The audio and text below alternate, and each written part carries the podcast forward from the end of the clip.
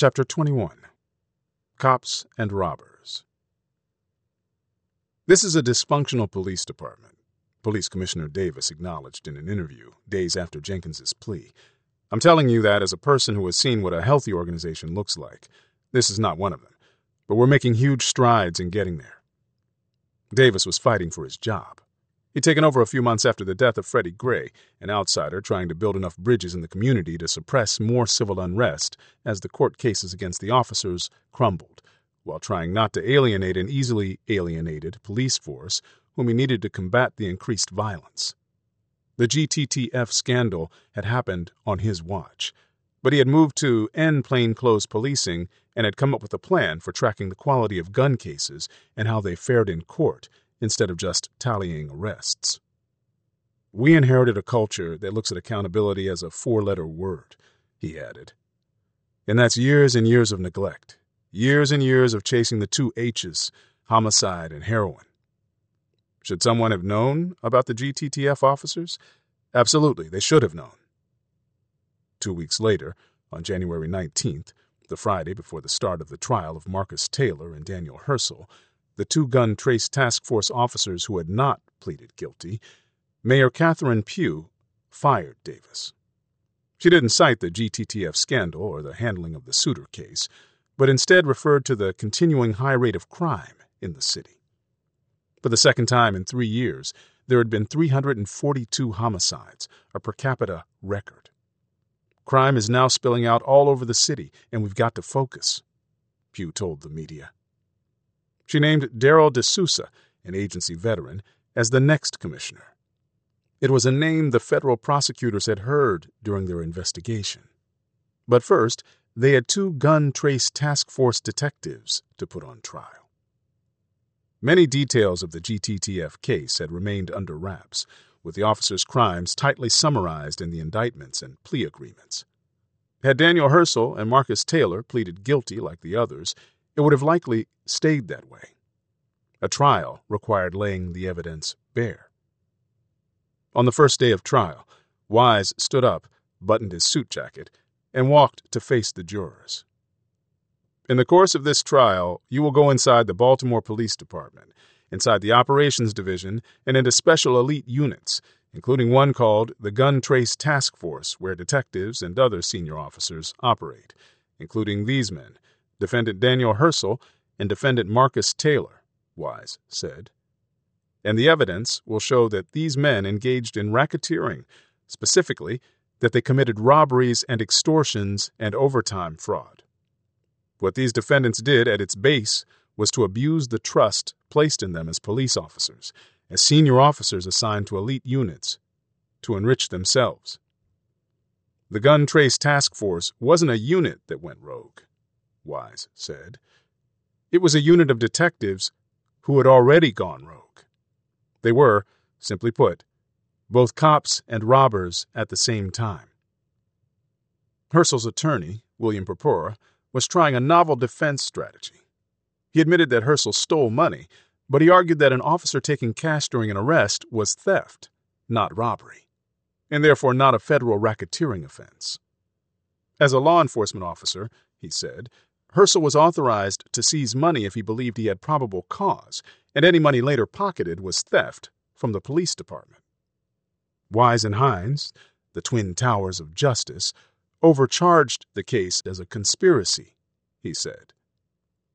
The subsequent testimony of the cooperating officers revealed publicly, and for the first time, the depth of the misconduct carried out by the unit.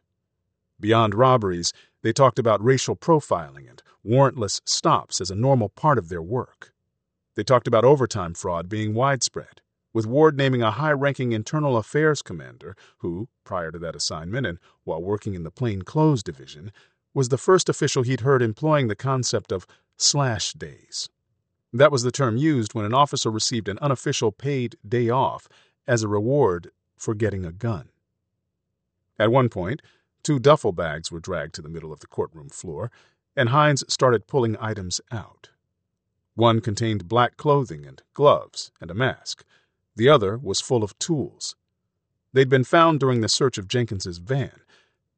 Detective Evodio Hendrix, who had earlier pleaded guilty to racketeering, testified that Jenkins told his officers that he had all that stuff just in case he ran into a monster or a big hit. And what is a monster? Hines said. What did you understand that to mean? Someone with a lot of money or drugs, Hendrix said.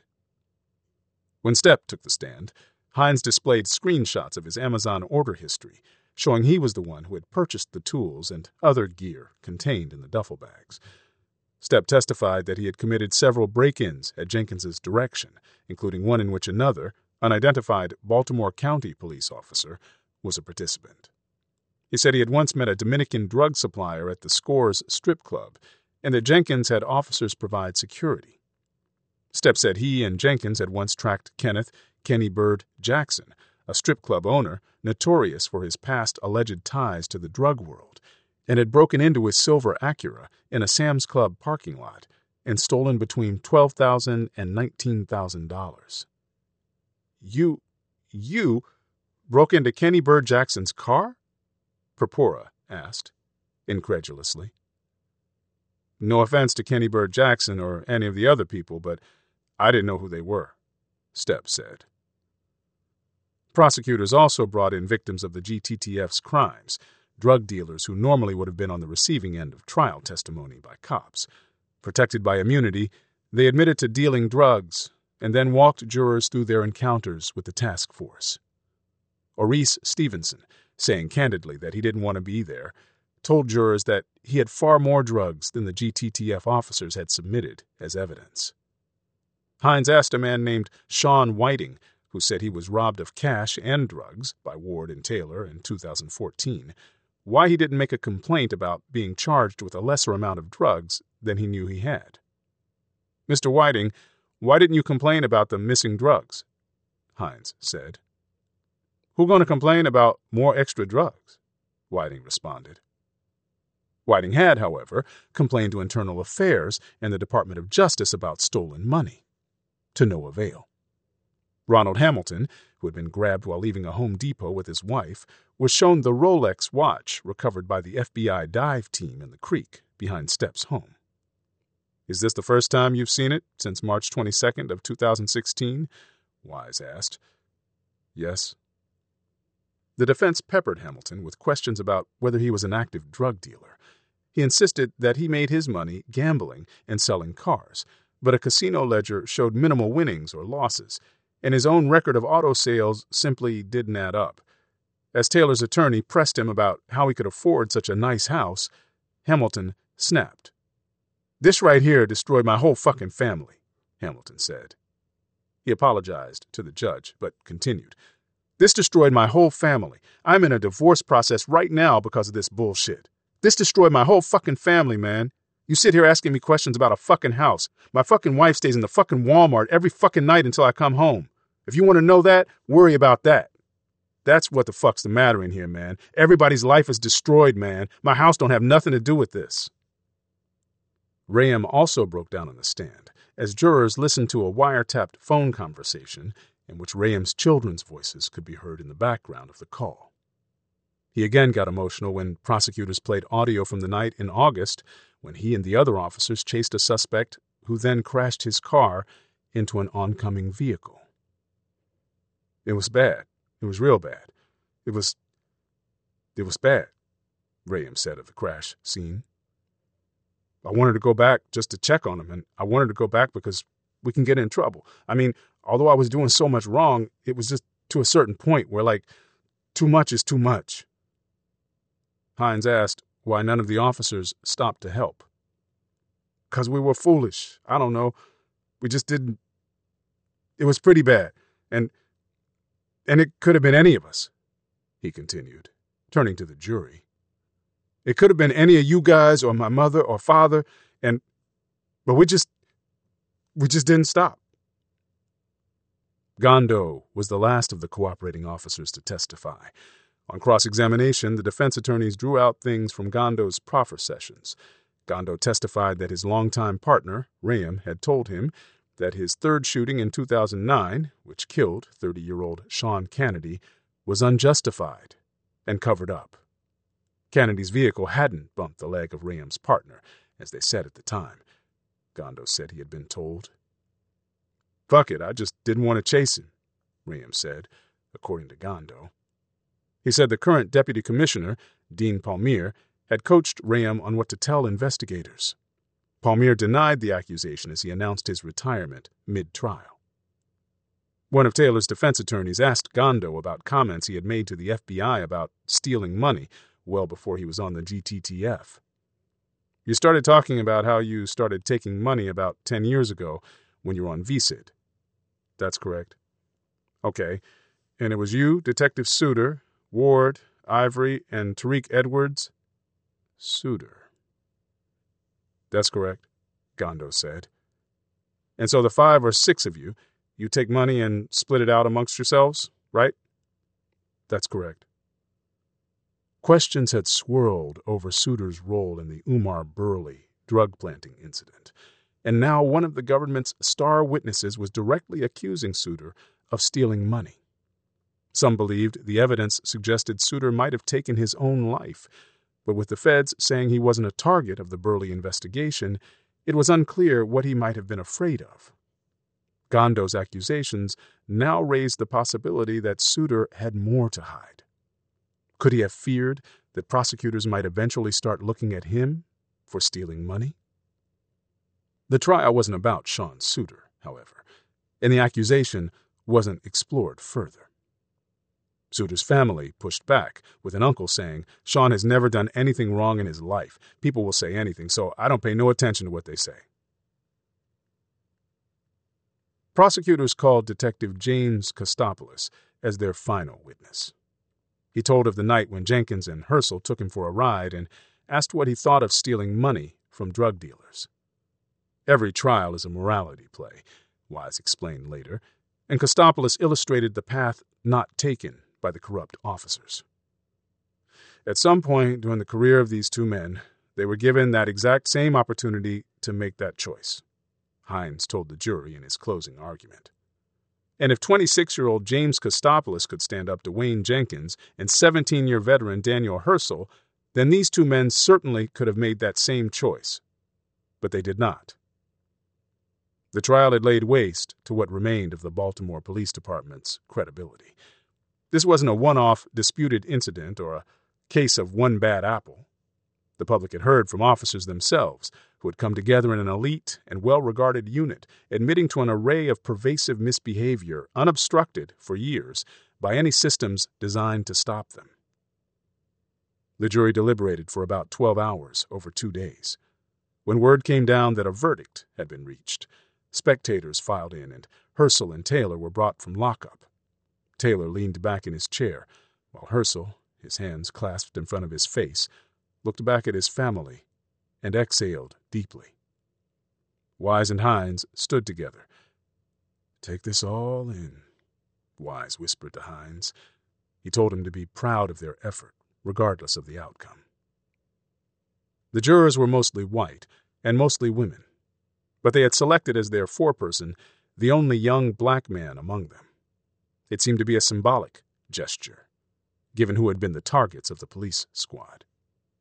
As the foreperson announced the verdicts, guilty of racketeering, conspiracy, and robbery, Hersl's head dropped. There was little reaction among the spectators.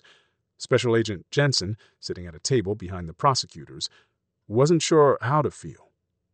It was the desired outcome, but she wasn't in a celebratory mood. The whole thing was such a mess that it didn't really feel great at all, she said. It was just kind of sad. Not for those terrorized by the officers.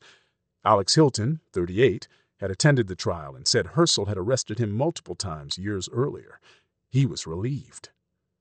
Every time I see a police car or knocker car, I'm looking to see if he's in there. I can't get his face out of my mind. Outside the courthouse, Wise and Hines stood with the acting U.S. attorney, who told reporters that the corruption probe of the Baltimore Police Department was ongoing.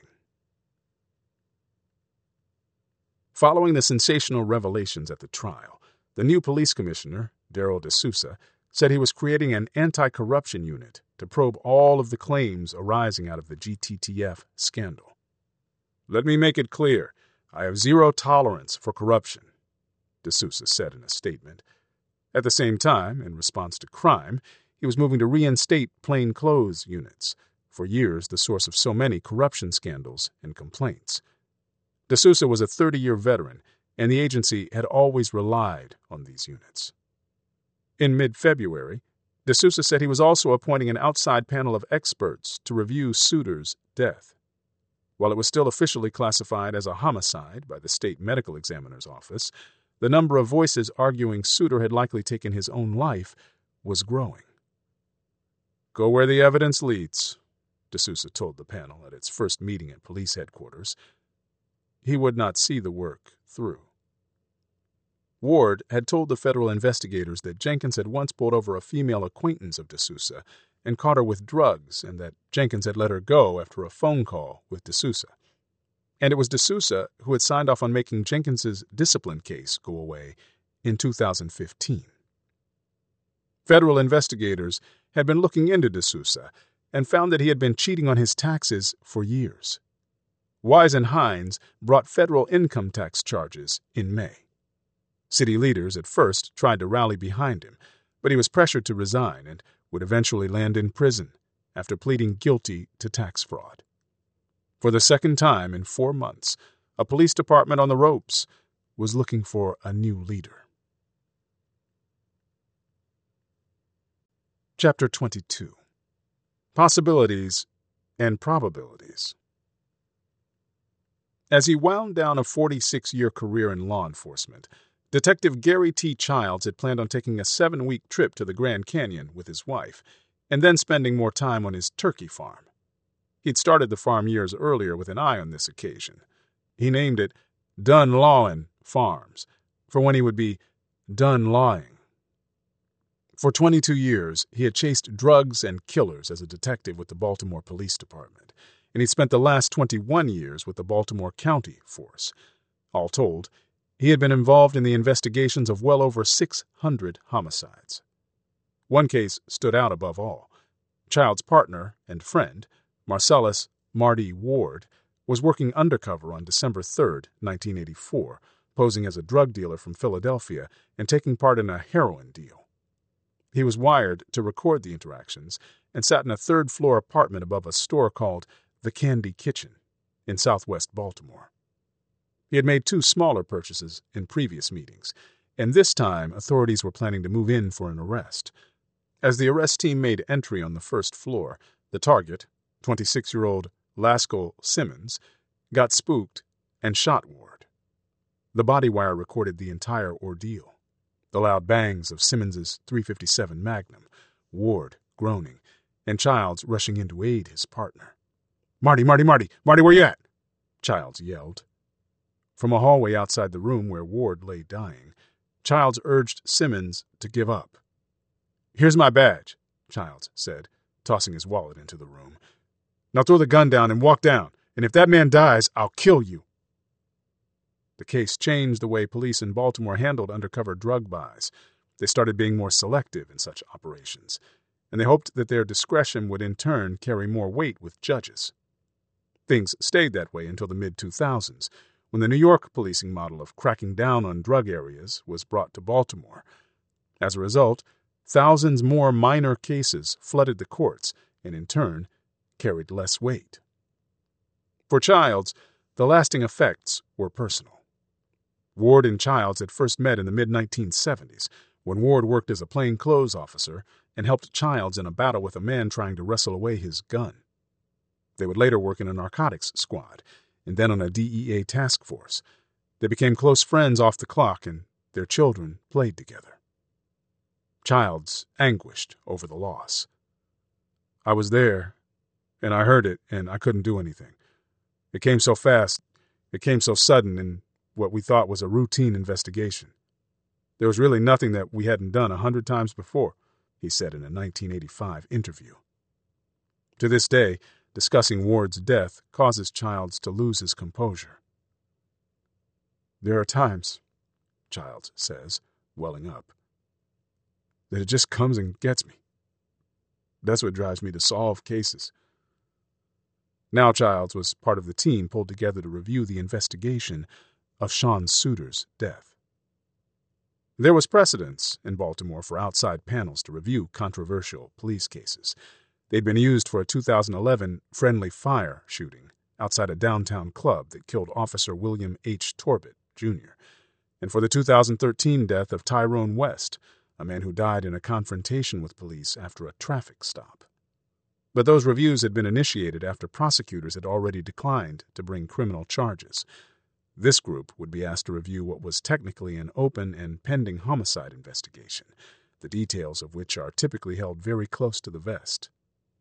The Independent Review Board, IRB, would be chaired by a consultant based in Virginia, James Chips Stewart, a former director for the National Institute of Justice, the research arm of the U.S. Department of Justice. He had led boards in the cases of Tyrone West and Torbit. Also in the panel were retired New Jersey State Police Superintendent and a retired Chief of Detectives from the Rockland County, New York District Attorney's Office. In addition to Childs, another retired city homicide detective, Marvin Sidnor, was tapped for the panel. There were ground rules. The panel was told not to reinvestigate the case, but to look over the work performed by the homicide unit. Childs, nevertheless, was hopeful that their involvement might generate new leads. Maybe someone who had been reluctant to call the city police department would be more willing to help an outside team. Though attitudes had shifted and many in leadership viewed Suiter's death as a likely suicide, Childs was more than open to the possibility that Suiter had been murdered. It was listed as a murder case, and Childs wanted to solve it. To me, that would be like winning the Super Bowl. If we could get enough evidence that city homicide could arrest a guy for this murder, Childs says. Childs, 69, was given the investigative file on a hard drive. He started reviewing while on his post retirement road trip to the Grand Canyon and later pored over it from his home office in a rural community north of Baltimore. He was first interested in the unsolved triple homicide case from Bennett Place that Suiter had been investigating. Maybe Suiter was getting close to locking up a suspect, Childs thought, or his investigation had angered someone who wanted him dead. As Childs read further into the file, he was struck with questions. The triple murder had happened in December 2016. Detectives are supposed to enter progress notes in a computer to detail their efforts on a case. Childs was surprised to find that Suiter's last notable progress report for the case had been filed at the end of the same month as the murder. There was a canvass for undisclosed witnesses in September, and then another the day before Suiter was shot. Suiter reportedly told people he was looking for a prostitute named Mary, who potentially had information on the case but there was no mention of such a person in the notes. At the same time, there was a promising lead that Childs says Suiter had overlooked. The crime lab informed Childs that someone had been arrested carrying the gun used in the triple murder, but Suiter hadn't made any note of the information or followed up on it. Childs focused on the physical evidence. The apparent lack of any other person's DNA found on Suiter's body, and the fact that Suiter appeared to have been shot with his own gun were troubling.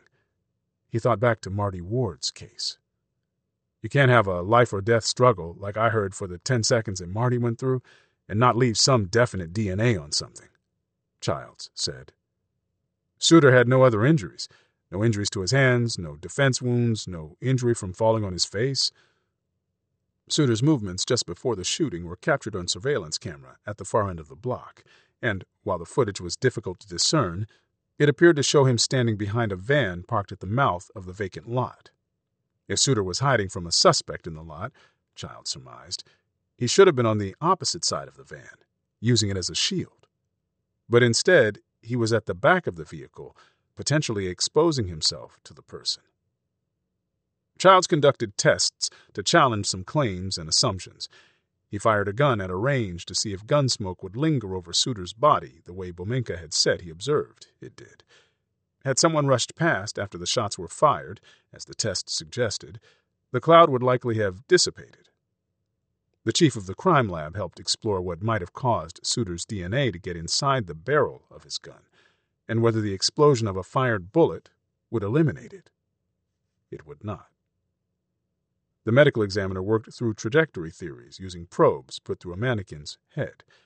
The extra gunshots Bomenka said he had heard could be attributed to a canyon effect of echoes due to the surrounding buildings, the panel would say. Suiter's last known words, stop, police, also didn't add up for Childs. You're not going to be hollering, stop, stop, police. You're going to be hollering, get the F off me, or hollering, Dave, Dave, at Bomenka. Or nothing, he said. That's something you yell when you're chasing somebody, not when you're in a confrontation. Then there was what the panel said was an overlooked piece of evidence blood spatter from Suiter found inside the cuff of his right shirt sleeve, consistent with blowback from Suiter's gun hand being up near his head and the sleeve facing open when the shot was fired. There could be no shooter, Childs and the panel concluded on the basis of the physical evidence.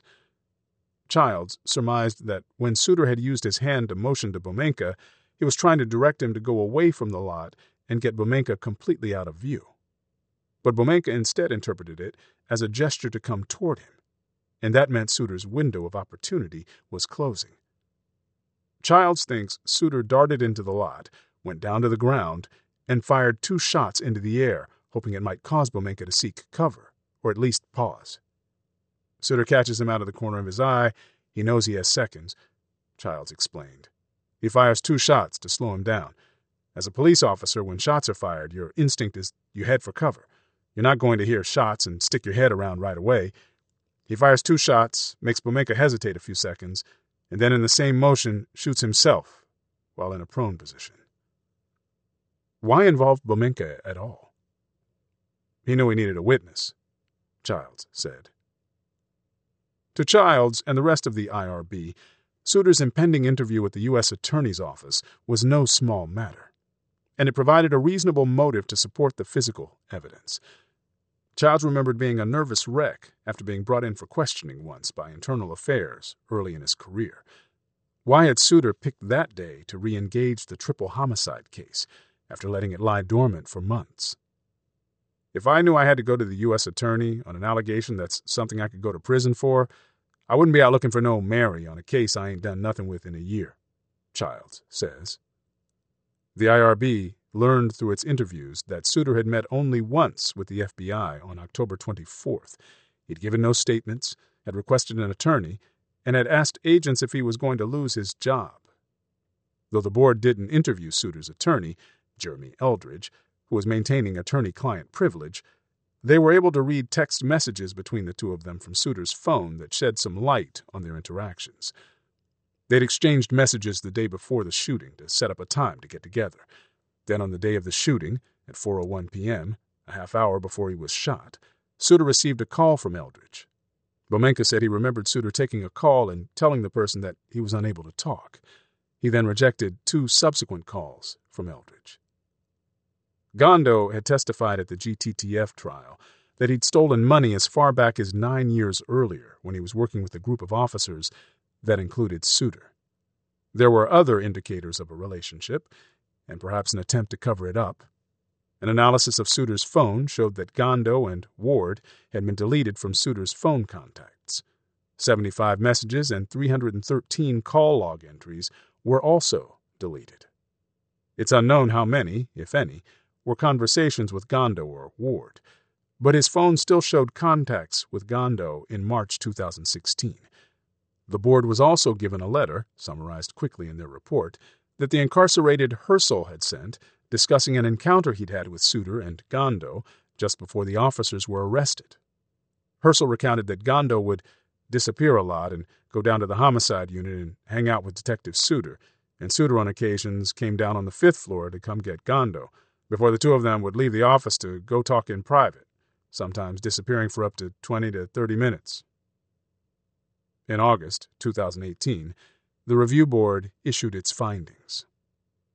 The board concludes that, based upon the totality of the evidence, Detective Suiter intentionally took his own life with his service weapon, the report said. Suiter had every incentive to make his death not appear to be a suicide if, in fact, he had decided to take his life, the panel added. They noted that the BPD benefits package available to the family of a police officer who is killed in the line of duty is far more lucrative than that for an officer who has taken his life, and that the Department of Justice provides funds to families of fallen law enforcement officers. We do not know what Detective Suiter's state of mind was on November 15, 2017, the panel concluded. We do know that he loved and was loved by his family, and that he left many friends behind. We also know that Detective Suiter was under more stress than most of us endure. Being a BPD officer is highly stressful under the best of circumstances. These were far from the best of circumstances. He was due to testify the very next day before a federal grand jury investigating perhaps the worst scandal in BPD history. He did have an offer of limited immunity, at least as to the Umar Burley evidence planting allegations. But if Gondo and others were providing truthful information to federal law enforcement, Detective Suiter faced a difficult choice. He could testify truthfully and be protected by federal immunity. In acknowledging personal illegal conduct while with the agency, however, he would likely end his career.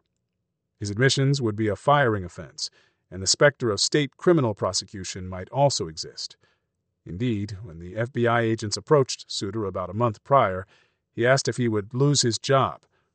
Alternatively, Suiter could have denied wrongful conduct before the grand jury.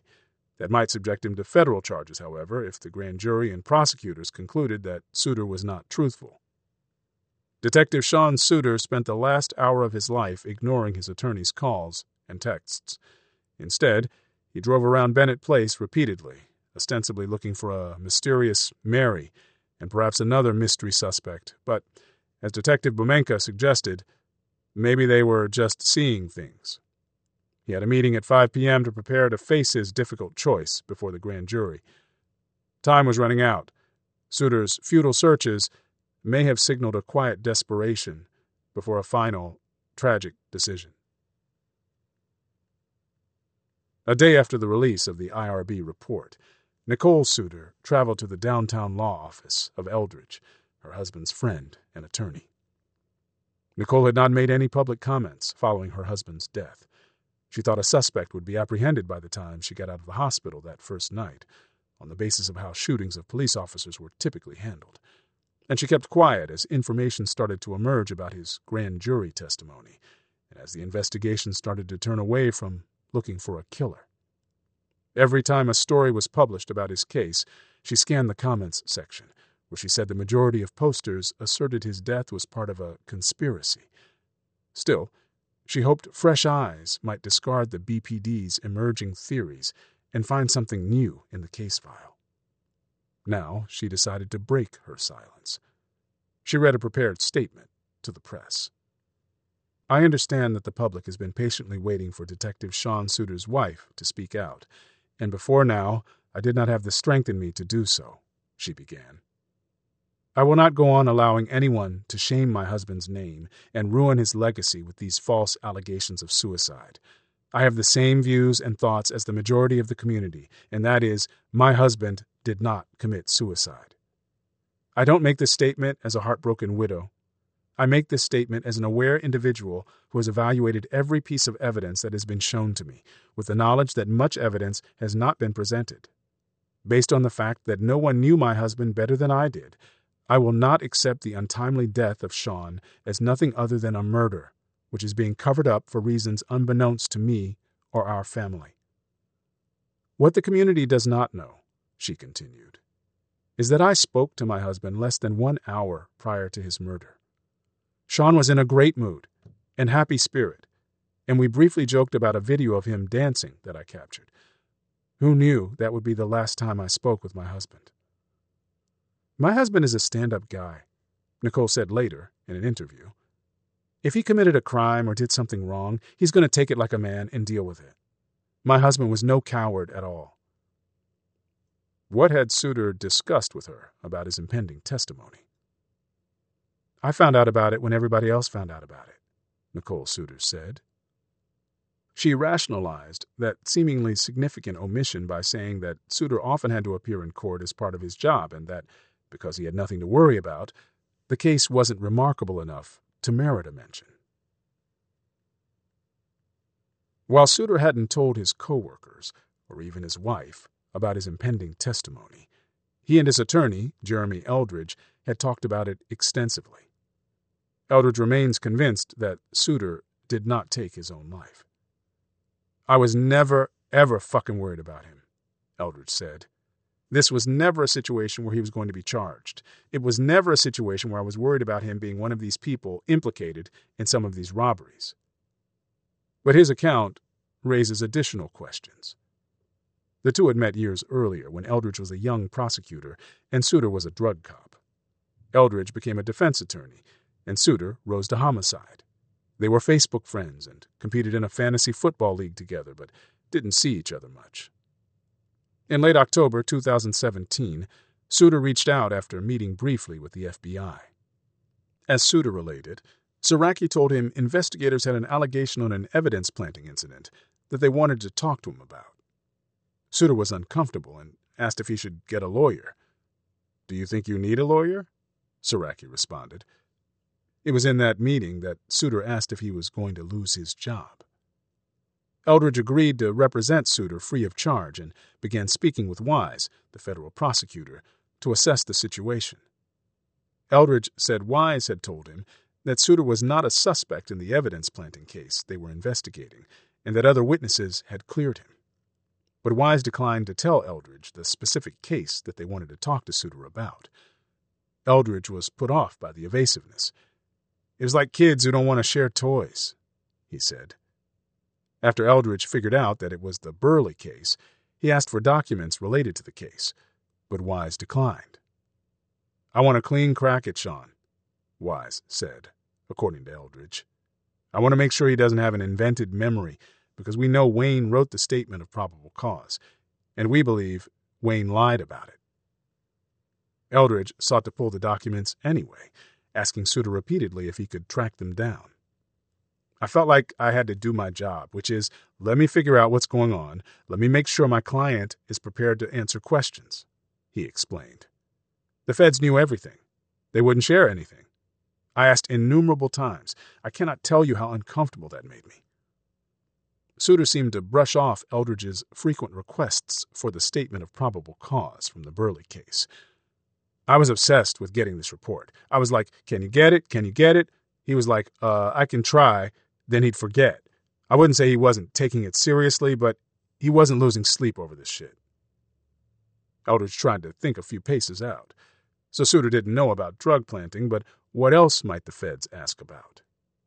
Eldridge had been in proffer sessions where things went sideways after clients were asked questions that they didn't see coming. He remembered telling Suiter, Let's not be naive. If you heard Wayne stole money, you're going to have to tell them. He was like, Well, I heard some stuff. I was like, You better be able to tell them what you heard. Suiter also told Eldridge that other officers, including supervisors, had recommended that he get away from Jenkins, and Eldridge told him to be prepared to explain why. In their conversations, Suiter asked a lot of questions. He testified in court many times, but this was different. The GTTF case was the first instance, at least in some time, that police corruption was being taken seriously, and it was still evolving.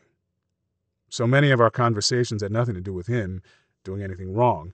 It was, what's it going to be like if I have to testify? What's my life going to be like? Is everyone going to hate me? Am I still going to be working? Jeremy, they didn't catch all these guys.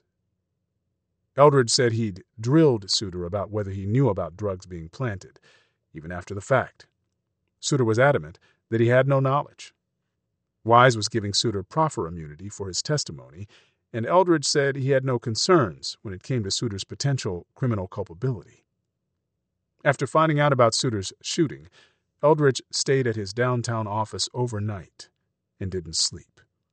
The next morning, he went to visit Wise and Hines and urged them to get involved in the investigation of his client's death. I want to know why are local PD on this? It's your fucking witness, Eldridge recalled saying. They were shell shocked. That's just the honesty of it, he said of Wise and Hines. And politically, what I saw after that, within a week, they're saying he wasn't our witness. He didn't even make it in here. So it's like, because he got fucking killed, we're not responsible for him? which to me always felt like a cop out. They sparred over Eldridge asking Suiter to pull reports on the Burley crash, with Wise saying to Eldridge at one point, Well, Jeremy, if you told him to go hunting for something, did you get him killed? Wise and Hines later explained why federal authorities did not take over the case, saying they saw no possible nexus between the shooting and his testimony. The members of the GTTF were all locked up, Wise said. It wasn't like there was another list of officers we were on the verge of charging and Suiter had the key piece of evidence. There was nothing like that. This was a historical evidence planting episode, and the primary target is Jenkins, who's already locked up. Gondo gave us a whole list of names of officers involved in misconduct. So had Rayam, So had Ward. What would be the motive to kill the guy? At that point, four of the seven had flipped. Those four aren't killing him. The guys who implicated Suiter aren't going to kill him. They're already cooked. Moreover, they had always believed that Suiter had likely taken his own life. And the prosecutors said that later briefings regarding the investigation didn't give reason to believe otherwise. Given that he, Suiter, was a federal witness, we certainly asked if there was any evidence of a shooter, but we were told repeatedly that there was no evidence of a second shooter, Hines said. Eldridge was successful in convincing the federal officials to have Suiter's car searched before the BPD could get to it.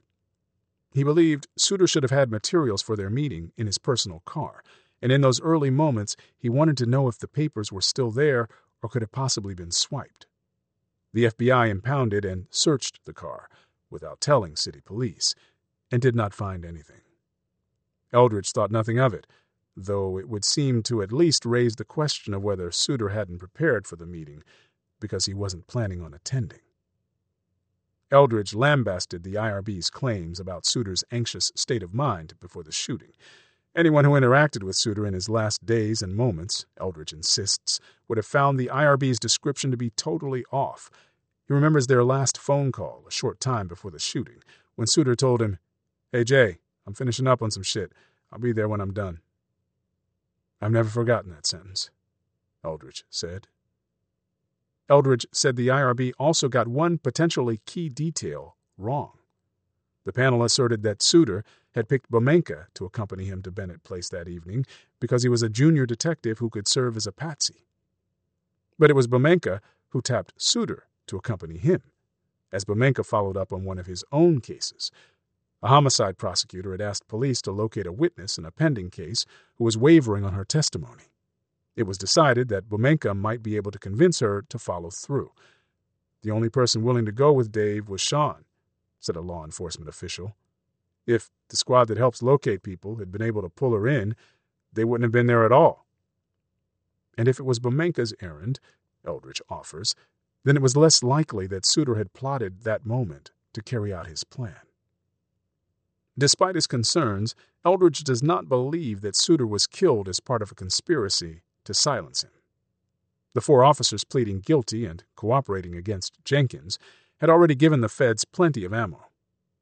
He wasn't doing anybody outside of the dude that was already in jail, where everybody else was doing, Eldridge said, referring to Jenkins.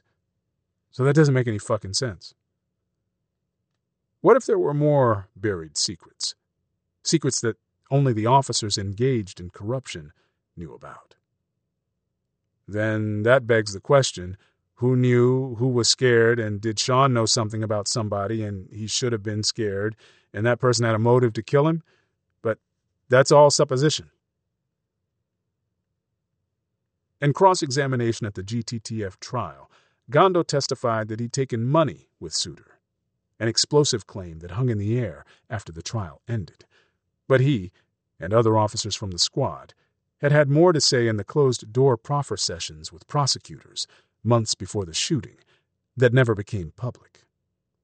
One of the very first things out of Gondo's mouth in late March 2017 had been that the first time he could recall stealing money had involved Suiter. The incident stood out for him. It was Gondo's first search warrant, a dope house on Druid Park Drive, and they had found $700 and some gel caps of drugs. After the search, he said, they went to the parking lot of the Western District with Suiter and Ivory, where they split up the money. Gondo wasn't lobbing accusations at everyone he'd ever worked with. He explicitly excluded two other officers from being involved, saying that one was a stand up guy who never took money and that he hadn't trusted the other. But he maintained that Suiter, whom he referred to as a mentor figure, was involved.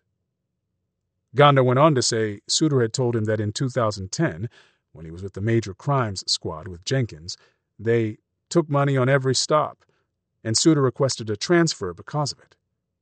Regarding the Burley case, Gondo said Suiter knew about drugs being planted and was scared that it had happened. Rayam, too, in a proffer session in April 2017, implicated Suiter with stealing, telling investigators that Jenkins had told Rayam that he and Suiter took money all the time. Jenkins, meanwhile, insisted he wasn't the one who planted the drugs in Burley's car, even as he pleaded guilty to helping cover it up. He never publicly identified the person he claimed was instead responsible. Jenkins told the feds, however, that it was Suiter. These were claims made well before Suiter was shot, and the feds had been carrying the information around in their back pocket. When the federal prosecutors told Eldridge and Commissioner Davis that Suiter wasn't a target of their investigation, it very well could have been because they were laser focused at the time on bringing Jenkins down. Maurice Ward, one of the GTTF detectives who pleaded guilty and cooperated with the racketeering investigation, vouches for Suiter and questions Gondo's testimony that they all stole money together. I still don't understand when Gondo said we all used to take things together, which is not true. I never did anything with Suiter or their supervisor, Kenneth Ivory, Ward said. But Ward also said he never openly stole with Gondo either, highlighting that the officer's corruption wasn't as blatant as it sounds. I heard of things he was involved in. He probably heard the same about me, but we never did anything like that together. Notably, no one else from the squad that Gondo said he had taken money with in the late 2000s was ever charged by the feds as a result of Gondo's accusations. If the accusations were true, and Suiter did kill himself over fears of going to prison, those fears might never have been realized if he had stuck it out. The theory that Suiter took his own life gradually took hold as a consensus within the department. But Eldridge continued to push back against an investigation that he increasingly felt everyone involved wanted to abandon. He came across what he considered to be a tantalizing lead that had been discarded by police and never touched by the IRB. In December 2017, one month after Suiter was shot, a former Black Guerrilla Family gang member turned informant named Dante Pauling sat down for an interview with detectives and gave information on a range of crimes. Among them, Pauling told police that on the night that Suiter was shot, Pauling was outside a bar a few blocks from Bennett Place when his cousin arrived, upset. He said that someone he knew had just shot someone who had suddenly come up on him in his drug stash. When he told the story, we didn't know it was an officer till shit hit the news, Pauling told the detectives. Pauling, whose information on other cases had been used by federal prosecutors at a high profile gang trial, told the detectives the name of his cousin, but said he did not know the name of the supposed shooter. When footage of Pauling's interview with police surfaced in the news, the police department was forced to respond and said they had deemed Pauling's information to not be credible. But they declined to explain why. The story caught the attention of Assistant State's Attorney Patrick Seidel, who believed police had failed to follow up on the lead. Detectives were sent to locate the man in Pauling's story. He was now in the Midwest, and detectives interviewed him and collected a DNA sample. The case suddenly seemed as if it could have new legs. The department was on its fourth commissioner since Suiter's death two years earlier, with New Orleans veteran Michael Harrison taking the helm in early 2019. Harrison had no stake in the case, though he did have an interest in turning the page. He had Maryland State Police do a second outside review. After it came back without raising significant issues, he announced in late 2019 that Suiter's case was being closed.